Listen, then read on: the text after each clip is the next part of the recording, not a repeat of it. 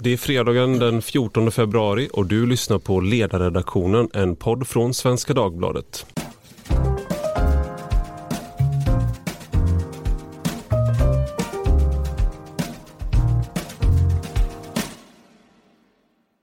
Jag heter Ivar Arpi och idag ska vi prata om knark. I veckan ställde sig ett enigt socialutskott bakom ett krav på att regeringen utreder svensk narkotikapolitik. Målet är som man säger en nollvision mot narkotikarelaterade dödsfall. En fortsatt restriktiv narkotikapolitik måste kombineras med en god missbruks och beroendevård som innehåller insatser för skademinimering, säger utskottet. Och med mig för att prata om detta har jag David Eberhard som är psykiater och chef för Maria beroendeklinik. Välkommen! Tack så mycket! Magnus Linton som bland mycket annat är författare till boken Knark, en svensk historia som kom 2015. Välkommen! Tack, tack! Igen, du har varit här och pratat om det här innan också. Stämmer. Kommer säkert tillbaka fler gånger. Eh, och Peter Moilanen eh, som är chef för Narkotikapolitiskt center. Välkommen! Tackar! Det är första gången du är här. Ja. ja. Eh, jag pratade med Lena Hallengren som är socialminister tidigare idag eh, och hon vill understryka att hon tolkar inte, om någon nu tror det, det här utskottets, eh, det de kommit fram till att man vill att det överhuvudtaget skulle handla om någon slags avkriminalisering. För det saknas helt enighet för det och hon menar att det saknas all form av evidens för att det skulle kunna leda till något positivt, alltså avkriminalisering av cannabis. Eller någon annan drog för den delen heller, säger hon. Ehm, jag tänkte Magnus, kan inte du bara börja, hur tolkar du det utskottet har sagt? Och ehm, vad, liksom, är det ett steg i rätt riktning tycker du? Eller hur, hur, tolkar du det? Ja, alltså allting som eh, kan bidra till en eh, höjning av kunskapsnivån hos svenska politiker vad gäller narkotika och, och hela det fältets enorma liksom, komplex är naturligtvis välkommet. Och en översyn av den här politiken då som enligt mig har varit fördummande i meningen att forskning har aktivt eh, plockats bort och den har varit överideologiserad på gränsen till religiös och sådär. Så att eh, på det sättet är den naturligtvis jättebra. Men eh, om det nu är så att liksom, det skrivs in redan från början vad, det, vad den här eventuella då utredningen eller översynen ska syssla med, att man tar bort då eh, saker. Att man inte vill titta på till exempel vad kriminaliseringspolitiken har lett till. Och så, då är det ju risk för att det inte blir någonting. Då blir det ju som det har varit i, i Sverige tidigare, att man har haft utredningar där man till exempel då inte, där man från början har sagt att vi, vi tänker inte ta in den till exempel samhällsvetenskapliga forskningen om narkotikaproblem i den här utredningen. Då blir det ju, ja då blir det ingenting. Då blir det som förr, liksom att man, man tittar på någonting men det är så vinklippt det man ska titta på så att eh, slutsatserna kommer inte heller, de blir liksom förutsägbara. Och det Lena Hallengren sa till mig då när jag frågade henne om det här, det var att varför, när man utreder någonting så gör man det för att det kan vara intressant det man kommer fram till. Men avkriminalisering är inte intressant så det finns ingen anledning att utreda det. Nej, det är ju bisarrt då tycker jag, om det nu är kunskap som man vill ha eftersom nu är inte jag någon, på något sätt någon förespråkare av det. Jag har ingen aning om huruvida det skulle leda till någonting bra och det har jag aldrig heller påstått i något jag skrivit sådär. Men, men det är klart att ska man, ska man ska säga, höja ska man ta reda på vad som varit bra och dåligt med den här politiken så är det ju helt omöjligt att inte titta på eh, vad kriminaliseringspolitiken har betytt i, i, i till exempel i, i termer av eh, forskning, eller inte utan polisresurser och rättsväsende resurser och sånt där. Det är ju en enormt viktig grundpelare eh, och dessutom då ganska unik för Sverige som, som den här politiken har byggt på. Ska man då inte titta på det? Ja, jag vet inte riktigt då det är klart det finns andra aspekter av det här som är superviktigt att kolla på också. Hela dödlighetsproblematiken och sånt mm. där. Och det är där man lägger fokuset. Ja. Men det du säger är att du, du vet inte om det är intressant förrän du har sett om det är intressant snarare än att du på förhand vet att det är intressant eller inte intressant. Det är där vi hamnar i en så filosofisk... Eh, Nej, du tycker att det skulle vara intressant att se om det vore intressant med avkriminalisering, att utreda det? Ja, ja det är klart. Ja, okay. det, så är det naturligtvis. Jag tänkte Peter, hur, hur, du, har en, eh, du kommer ju från eh, Narkotikapolitiskt center och hur, hur tolkar du utskottets eh, kan inte du bara beskriva lite kort vad ni, vad ni gör och sen eh, säga hur du tolkar utskottets, eh, vad de har kommit fram till? Absolut, Narkotikapolitiskt center. Alltså vi, vi ska genom analys och debatt och folkbildning egentligen jobba för en eh, human restriktiv narkotikapolitik. Eh, vi är ju inget eh, vetenskapscenter på något sätt, utan det är just ett politiskt center att titta på olika eh, aspekter. Jag kan dela Magnus eh, inslag i det här folkbildningsmässiga, att det behövs verkligen folkbildas när det gäller narkotikapolitik. För mycket av det vi läser i media eller hör, det är inte säkert att det alltid stämmer. Eh, Ja, jag tolkar väl som att socialutskottet trots allt eh, har enats om någonting och det i sig är väl unikt när det gäller narkotikapolitik. Och sen finns det lite olika viljor i det där. Och ska man vara formell så är det ju inte justitieutskottet och då blir ju inte kriminaliseringen en sån, sån fråga som ska vara med eh, i deras eh, synpunkt. Eh, så det är väl en tolkning av det hela. Mm. Däremot eh, tycker jag det finns anledning att se över svensk narkotikapolitik. Det är väl inte ett under av lyckande sett i ett svenskt perspektiv. Och då tänker jag på två saker. Och det ena är konsumtionen som ju faktiskt inte har gått ner. Den har inte gått upp heller särskilt mycket och inte bland ungdomar. Men den har definitivt inte gått ner som vi har tänkt. Och dödligheten förstås, som borde väsentligt ner. Vad är din bild varför dödligheten, varför vi har så hög? Vi har en, Sverige har ju en avvikande hög dödlighet för eh, människor som brukar narkotika, eh, missbrukare. Så hur, hur, varför har vi det? Ja, min bild är inte att vi har en avvikande. Det är svårt att säga om vi har en avvikande eller inte i ett internationellt perspektiv. För man mäter på så väldigt, väldigt olika sätt skulle jag säga det. Men det är helt klart att vi har en ökande dödlighet över, sett över de senaste åren, eh, alltså under 2000-talet. Eh, jag skulle säga att det finns några saker. Eh, den främsta handlar om vård och behandling. Alltså vi har inte lyckats organisera upp behandlingen. Vi har inte lyckats eh, resurssätta behandlingsinsatserna och vårdinsatserna och inte fått till en, en kedja av insatser från tidig upptäckt till faktiskt en avgiftning som är öppen när folk är motiverade eller till boende, arbete, fritid, hela den kedjan i, i, sitt sätt. Eh, sen har vi varit sena på bollen, till exempel när det gäller Naloxon, det här nässprayet för att eh, hindra överdoser. Eh, så det finns ett antal sådana saker i det. Eh, läkemedelsassisterad behandling, att vi behöver verkligen bygga ut det så att det är likvärdigt över hela linjen i hela landet och den typen av insatser. Mm. Eh, Men varför är ni, för ni tycker att en ehm, eller, jag tänker det här med just med vård. Du David arbetar ju med det här dagligen. Ehm, så vad är din bild av alltså svensk, eh, svensk narkotikapolitik? På vilket, när du som ser patienter som kommer till er, vad kunde vi göra bättre i Sverige? Alltså det är ju, sen 2016 så har man ju Socialstyrelsen ändrat riktlinjer för till exempel läkemedelsassisterad eh, behandling av opioid. Eh, missbruk Då. Och eh, den är ju faktiskt förändrad eh, så att den är helt harm reduction, skademinimeringsfokuserad idag. Och vi införde det här in, redan innan jag tillträdde som chef på Maria så införde man det och, och det är tre år sedan ungefär och vi har inte haft ett enda dödsfall.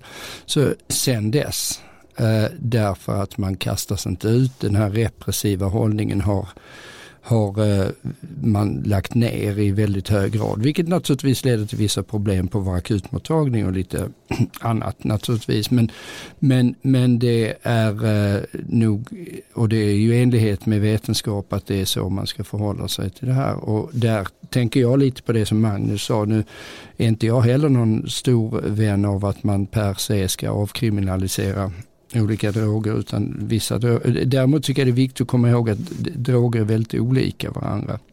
Vi behandlar det ofta som att det här är precis samma sak men det är oerhört olika saker. Det är olika substanser, de verkar på olika sätt.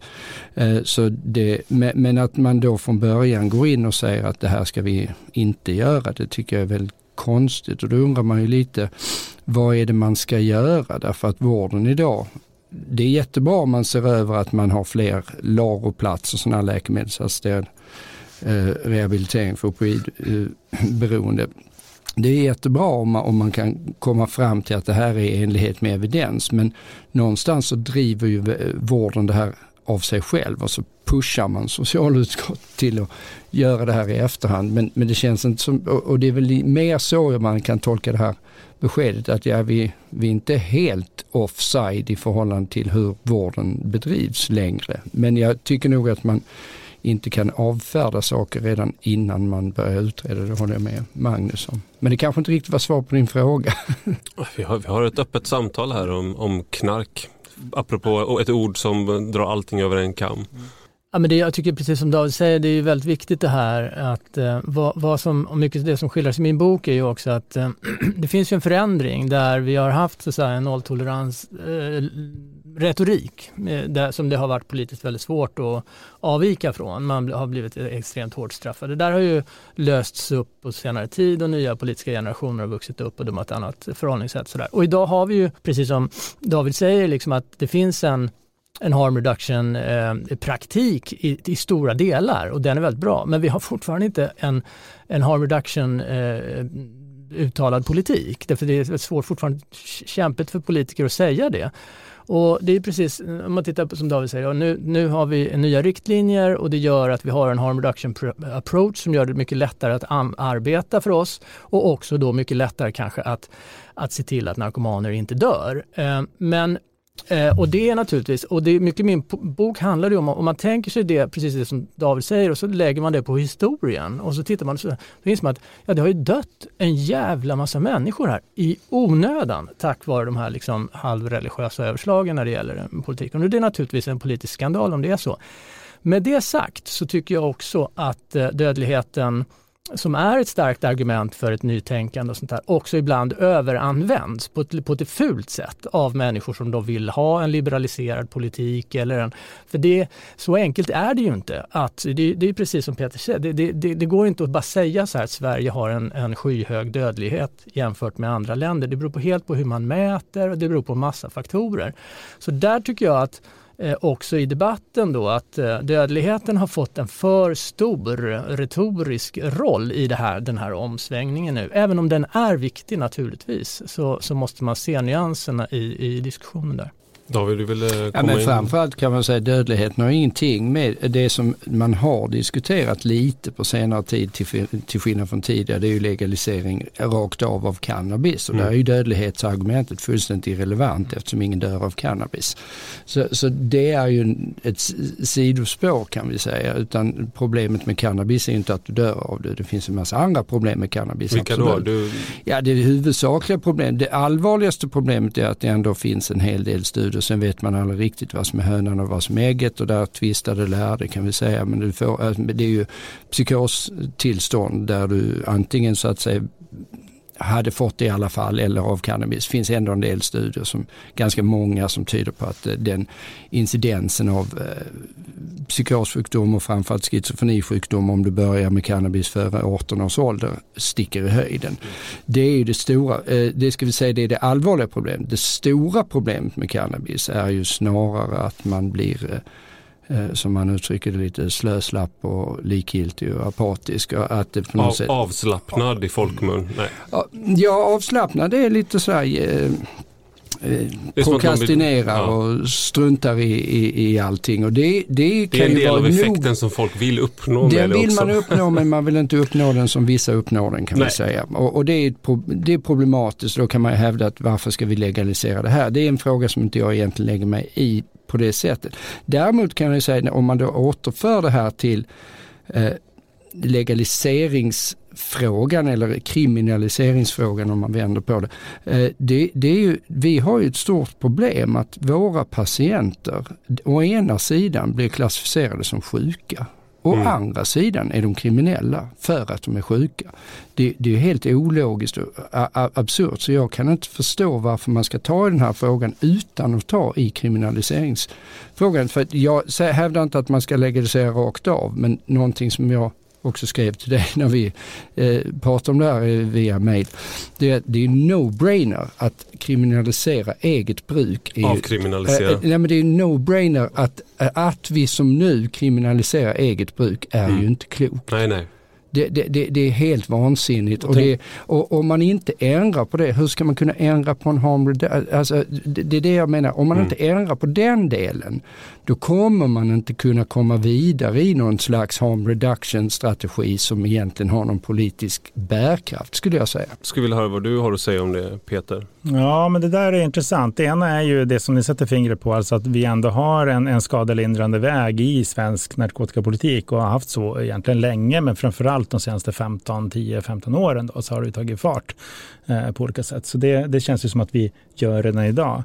Sen uppfattar jag ändå utskottets initiativ då, som, som eh, grunden till det här och att det är förebyggande verksamhet och det är dödligheten att lägga in i det. Och då blir ju avkriminaliseringen en, en viktig fråga att ta in den parametern. Jag har inget emot att den skulle vara med i en utvärdering, tvärtom. Det är väl lätt, bättre att lägga kortet på bordet och titta på det. Och jag skulle nog säga att vad är egentligen avkriminalisering? Det skulle vi kunna ha ett eget eh, poddavsnitt och filosofera kring, för det finns hur många olika modeller och relativiseringar. Texas avkriminaliserar var det någon som sa. De har tagit bort fängelsestraff. Ja, det är bra. Och det har ju vi gjort sedan länge, liksom, att man inte sätter folk i fängelse. Eh, men däremot om vi tittar på det för förebyggande och så tittar vi på dödligheten. Ja, det finns väl inget som talar för att avkriminalisering skulle lösa dödlighetsproblematiken. Eh, tittar vi på andra länder som har avkriminaliserat så har ju de också, ganska många av dem, ökat sin dödlighet sedan de avkriminaliserade. Eh, det vill säga på ett makroperspektiv så tycks inte det vara åtgärden för att lösa den, den problematiken. Tittar vi på det förebyggande, ja då handlar det om Finns det risk för att en avkriminalisering skulle leda till ökad konsumtion? Och finns det risk att man skulle uppfatta det som en legalisering eller en tillgängliggörande, alltså den typen?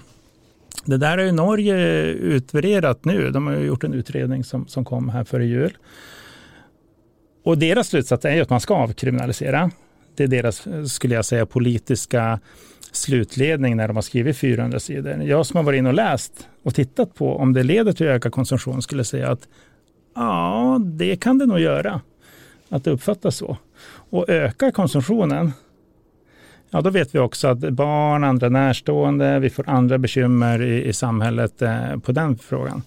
Och då måste man ju väga ett förebyggande arbete mot ett kriminalisering eh, och vad, andra, och, uh, vad man ska göra under det där. Då. Ja, ja. Eh, och då tänker jag så här, för att avrunda det då, att filosofiskt är jag helt med på att kriminalisering är ju egentligen absurt. Varför ska vi kriminalisera någon som sen kanske har ett beroende? Men balanserar vi ihop det förebyggande, möjligheten till tidig upptäckt, vård och behandling, ja då kanske vi behöver göra det. Och då behöver vi istället jobba med andra sidan. Hur gör vi det här så humant som möjligt och så vidare.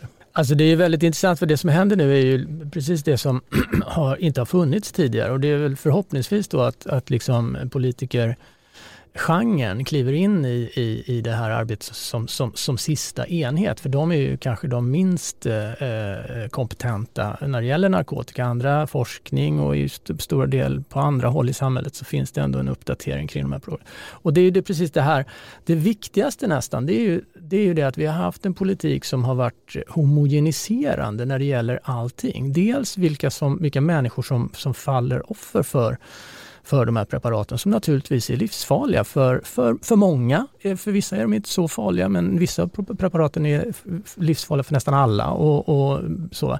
Eh, så dels har vi liksom inte det har varit en sorts enhetsidé kring vad narkotika är i det här då rubrik effektiva ordet knark liksom, som har fördummats otroligt mycket.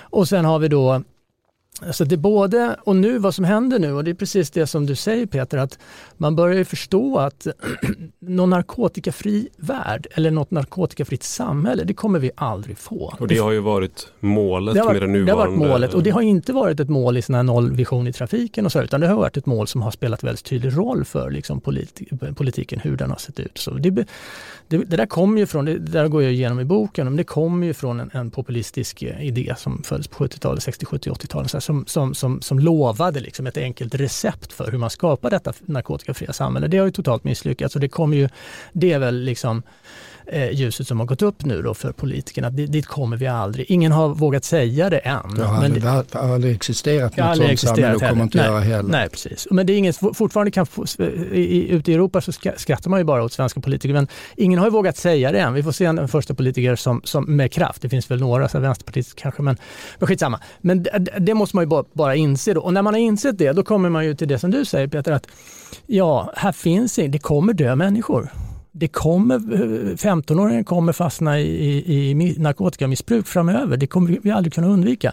Frågan är då hur ska vi jobba och hur ska vi väga liksom förebyggande arbete mot, mot eh, liksom rättsvårdande insatser. Alla de där grejerna. Och det är den diskussionen som är viktig att ta. Och då är det precis som David säger, att eh, man kan inte ta en sån diskussion utan att diskutera kriminaliseringspolitiken. Det är helt meningslöst. Och ska de inte göra det så Ja, då blir det här marginellt. Jag tänker också, sen har vi det här med lagliga droger också. Jag tänker på, jag hade eh, ett medicinskt tillstånd för några år sedan som gjorde att jag upplevde väldigt, väldigt mycket smärta. Då fick jag Tradolan utskrivet, alltså en opioid. Mm. Eh, och gick på maxdos, eh, ordinerat i om det var fyra veckor.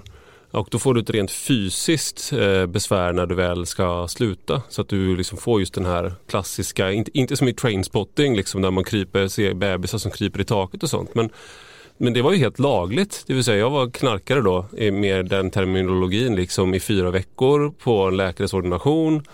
Eh, och det här ju, har ju också varit en del av opioidkrisen i USA. Att eh, man har fått eh, smärtstillande utskrivet väldigt frikostigt och sen har det fastnat och sen när de har stramat åt så har de som har fastnat i Oxycontin till exempel gått till heroin mycket billigare, ungefär en liknande effekt. Så har du fått en helt ny grupp som är fast i det. Men, men sen har du, sen har du lugnande till exempel, bensodiazepiner eh, som Jordan B. Peterson eh, nu har avgiftats, har avgiftats ifrån och han eh, har då legat i eh, eh, koma i åtta dagar. Eh, för... Det låter som en oerhört hård bensodiazepinnedtrappning. Ja, men också, också mm. det, här är så här, det här är en sån där sak som eh, alla som, jag skulle vilja hävda, alla som arbetar med eh, människor som debatterar i offentligheten känner människor som tar lugnande inför debatter inför att de är med i TV.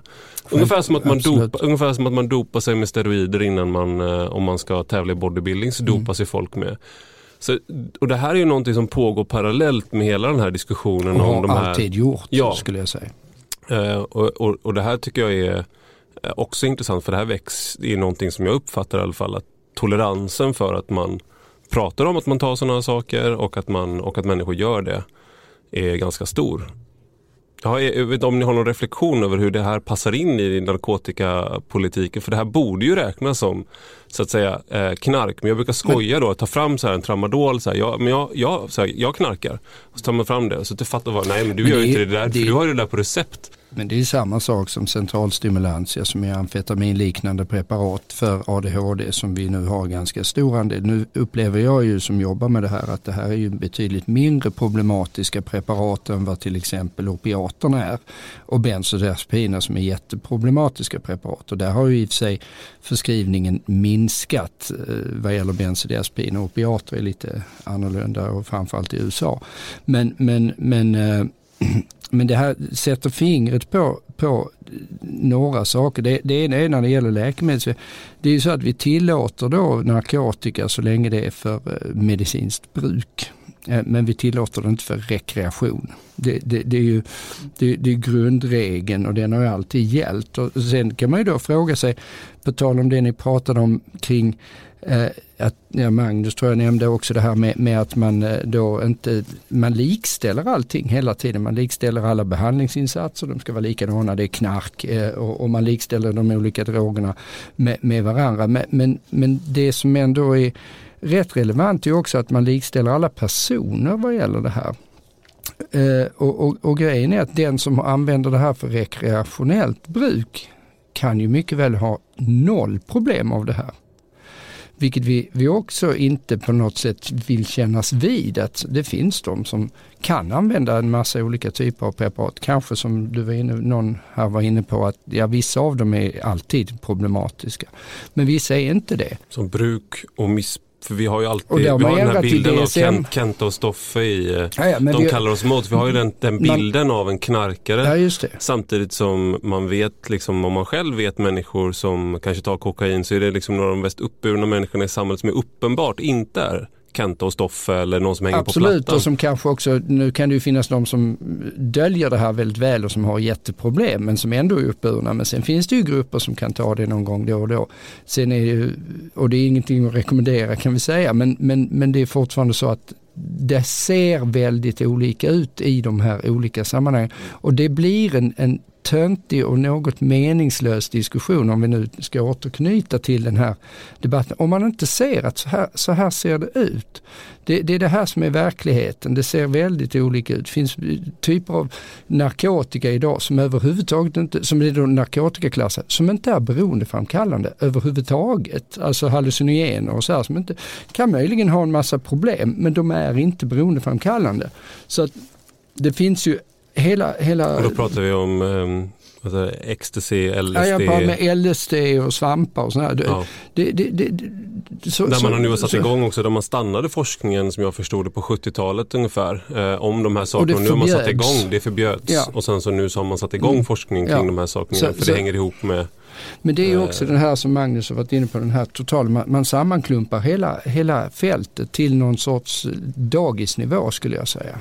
Men ibland är det bra att sammanklumpa och ibland är det inte Absolut. bra att sammanklumpa. Det är väl en, en, men en reflektion på det där att Ja, men det är ju det här som är narkotikapolitiken. Välkommen till den. Den är inte så enkel, den är komplex. Alltså, det är väl fantastiskt att vi har hittat eh, eh, narkotika som kan användas för medicinskt bruk. Och, och, vi ska väl göra allt för att Men underlätta för mitt människor. Mitt problem med till exempel ja. Tradolan det är ju då så här att där har du då någonting som skrevs ut otroligt frikostigt fram till tror jag, 2009 ungefär. När man kom, för att det marknadsfördes som ett alternativ till morfin och att det inte ska vara beroendeframkallande. Men det är mer beroendeframkallande morfin upptäckte man.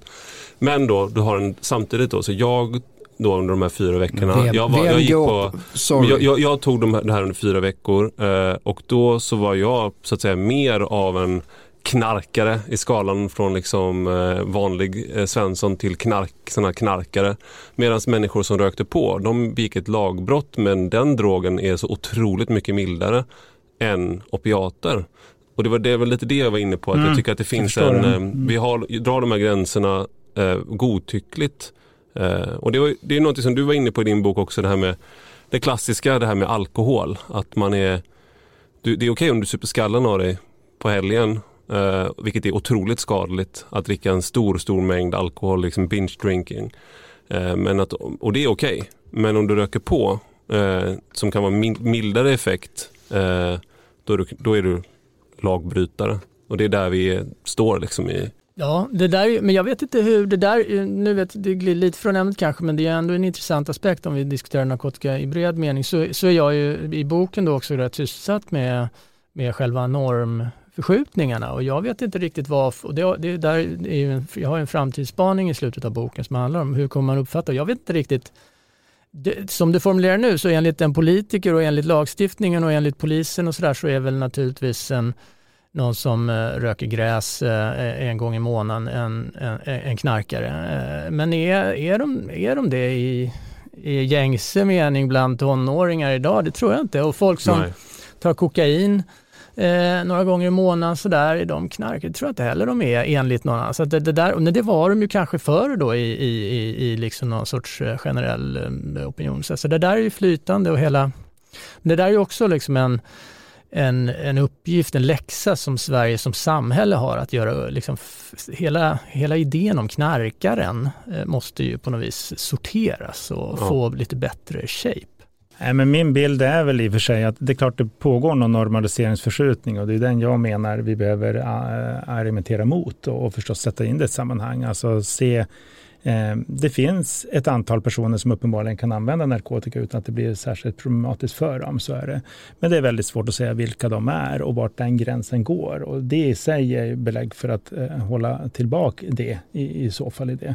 De flesta använder ju faktiskt inte narkotika. Så jag tror att det är i gemen de stora folklagren utanför eh, ja, vi som kanske hamnar i en storstad eller vart vi kan hamna. Där är det inte så. Um, att det finns någon längtan efter mer narkotika eller att folk skulle använda det. Det är vår bild när vi är ute i landet och pratar att det finns en ganska stor skillnad däremellan. Så. Men jag tänkte bara för att avsluta den där äh, medicinska narkotikan att det är väldigt bra i sig att, att vi har det. Men det du sätter fingret på Ivar, det är ju då behöver vi ha bra kontroll över det och så inte blir överförskrivning. Och vi behöver bra evidens för att titta när, när det Ska går du ta över bort gränsen. Mitradolan? Nej, nej, men det vet inte jag i det här Nej. fallet, för jag är ju inte har läkare. behov av... Men jag tänker att det finns eh, läkemedelsverk som kan titta på det och, och fundera över hur det ska sitta i sammanhang. Ja, jag uppfattar ändå att det finns en god kontroll, men, men där ser vi ju varför det kanske är eh, inte så enkelt att använda narkotiska preparat som medicin bara rakt av.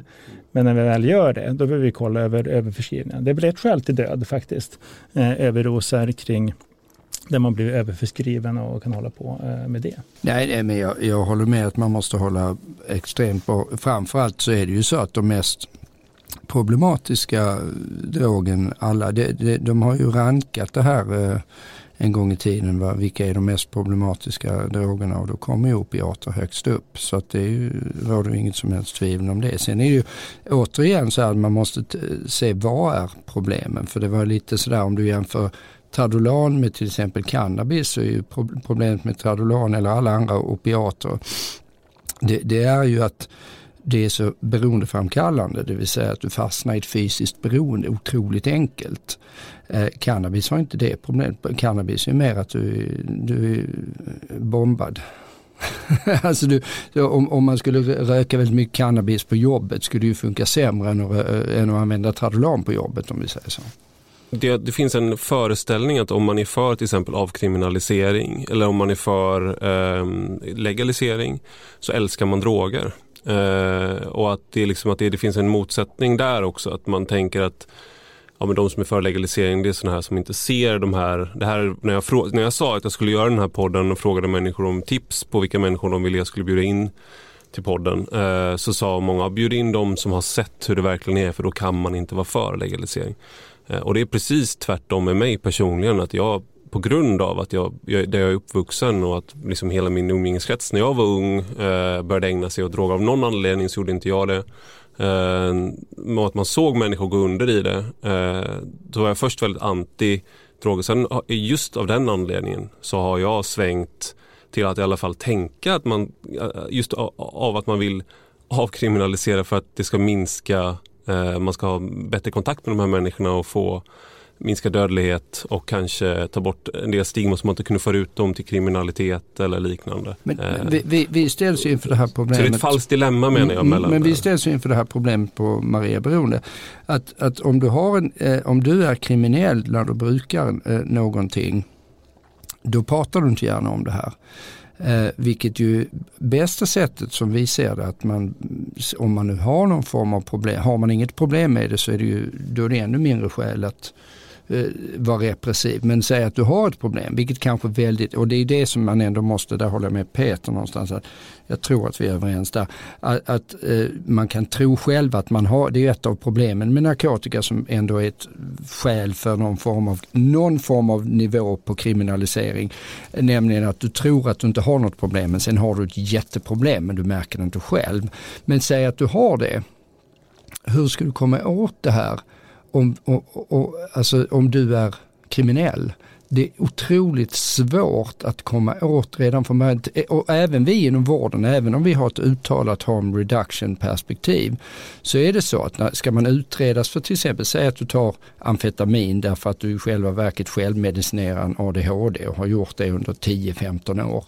Eh, då är det ju extremt svårt eftersom man har den här policyn som tvärt emot harm reduction vad gäller LARO så finns det ju inte någon sån utan då är det så, då ska du absolut inte, du får inte vara positiv på en enda substans för att bli utredd för om du har en ADHD. Och hur svårt är det då för en person att verkligen vara utan det här när vi ska utreda dem. Det här är något vi brottas med hela tiden. Att det här, det här försvårar våra utredningar väldigt en, en restriktiv repressiv hållning försvårar våra utredningsmöjligheter och våra behandlingsmöjligheter väldigt ofta. Alltså där, det är viktigt att säga det att eh, precis det som, som David beskriver här, eh, man måste komma ihåg att politiken kom ju på fötter med precis det här, eh, det var ju meningen. Alltså idén var ju från början att, att man trodde på policyn att om vi så fort som möjligt slår så många som möjligt på fingrarna som har rört det vi kallar knark så kommer vi skapa det narkotikafria samhället. Så i de här liksom 20-punktsprogrammen då som levererades på, på, på slutet på 70-talet om hur man skulle nå det här som, som politiker och köpte och trodde på. Va? Där står det ju sådana här saker. Det här handlar ju inte bara om sånt utan det handlar ju om hyreskontrakt, det handlar om anställningskontrakt och sånt. Va? Så tanken var, det står helt klart där i, man kan gå och läsa böckerna, så står det alltså att, eh, om, om eh, att man ska liksom sparka folk då, va? anställningsvillkor, hyreskontrakt. Alltså man måste, och det är ju ett skräck, en skräcksituation. Va? Så det är klart att man inte kommer åt människor med en djup beroendeproblematik med den typen av approach. Den är ju fruktansvärd. Eh, så att det är inte konstigt. Och jag bara säger, det, det, var liksom ta, det var tanken. Det, var liksom, det är inte något så fel i arbetet som vi har upptäckt nu, utan det var meningen. Man trodde på det där. It's feature, not a bug. Nej, men jag, jag håller med där, att, att, eh, eller vad jag nu håller med om, men jag konstaterar bara att, att de politiker eller beslutsfattare eller andra som idag förespråkar avkriminalisering och legalisering, det är klart att de inte själva har ett droganvändande per automatik, utan man vill göra någonting åt att konsumtionssiffrorna inte går ner, dödligheten är ändå eh, eh, höga. Det jag skulle önska, det var att vi kunde prata om någonting annat än just avkriminalisering. Det blir väldigt mycket en fråga på något sätt. För eller emot, ska vi, och har man satt sig in i det tänker man, det är ju hur komplext som helst bara den frågan. Jag noterar ju att, att jag har många vänner som har ett alkoholberoende och jag har haft kollegor som har spelberoende. Det är inget de pratar om och det är inte så lätt att söka hjälp och så. Så det finns ju någonting i det där som inte har med Självklart. kriminalisering att göra. Och då skulle jag önska att vi kunde prata mer om hur får vi till den här vård och behandlingen på ett bra sätt och hur växlar vi upp det förebyggande arbetet. Jag har sagt i några debatter om, om det här att det spelar ingen roll om vi med versaler skriver förebyggande är viktigt om vi faktiskt fortfarande håller på att dra ner på det. Och det är ju det vi gör. Regeringen halverar budgeten på förebyggande arbete. Jag såg just nu här att eh, en femtedel av våra kommuner de har inte ens rutiner för orosanmälan i skolan. Eh, det finns inte drogsamordnare på en femtedel av kommunerna. De som har, de gör mindre tid. Ja, det är klart, om vi då håller på att urholka det förebyggande arbetet, kanske har vi svaret till varför det ökar konsumtionen eller inte går ner. Ja, men, men, det kan vi inte, vi tillåts inte ens prata om det, för det hamnar bara i en fråga. Men där, där, tycker jag det är viktigt att säga i det här nu, om vi nu har någon sorts skifte i, för det har ju funnits ett, vi, man glider, alltså harm reduction är ju också, det är på många sätt då ett mycket mer progressivt, eh, vettigt, eh, evidensbaserat eh, eh, Eh, sätt att hantera de här sakerna. Men det finns ju också en risk där att man glider över då i allt för mycket tro på mediciner, det som man kallar för medikaliseringen. Att man gör, och där eh, eh tycker jag ju då att det är viktigt att, eh, apropå där vi startar, det är otroligt viktigt att ta in liksom den samhällsvetenskapliga forskningen i det här. Och ska vi prata förebyggande då, då det, det har liksom inte, medicinare har liksom inte svaret på alltid hur eh, folk hamnar i missbruk och på vilket sätt. Det, det kan de ju ha i många tekniska meningar men det finns ett gigantiskt socialt eh, en, en, social dimension av det här. Och eh, då kan man ju titta på sådana här, det, det, om, nu vet jag inte riktigt, men, men skolmisslyckanden till exempel, att bli utpekad i skolan tidigt som, som dum, misslyckad utanför, det är ju en extremt stark eh, inkörsport till narkotikaproblem. Så där, och det finns ju andra sätt då, där människor liksom sorteras bort eller pekas ut eller så som gör att man tröstar sig eller mildrar sina omständigheter med olika preparat. Och där är det här ja, Jag använde kladdkaka när jag gick i skolan. Eh, det funkar också. Kan du tips till alla där ute. Men jag tänkte nu, eh, eftersom det är fredags tänkte jag att ni alla skulle få, vilken drog kommer ni ta i helgen? Har ni några tips till våra lyssnare på vilken drog som ni jag ska ju på premiär så jag dricker nog lite champagne. Champagne, Magnus? Ja, för mig blir det nog som vanligt rödvin tror jag. Peter? Nej, men jag håller mig till kaffet. Kaffet, ja. Jag, jag kör på folköl. Eh, tack så mycket för att ni var med i ledarredaktionens podd.